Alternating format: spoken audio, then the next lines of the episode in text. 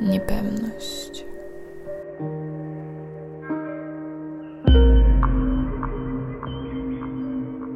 Strach ma wielkie oczy, moje niemal wypływały z oczodołów, podparte łzami, płynęły na sam dół wzdłuż całego ciała, od piersi po brzuch, aż do stóp, by rozpływać się po chodnikach wypełnionych ludźmi radosnymi, nieświadomymi, beztroskimi, a we mnie rosła obawa.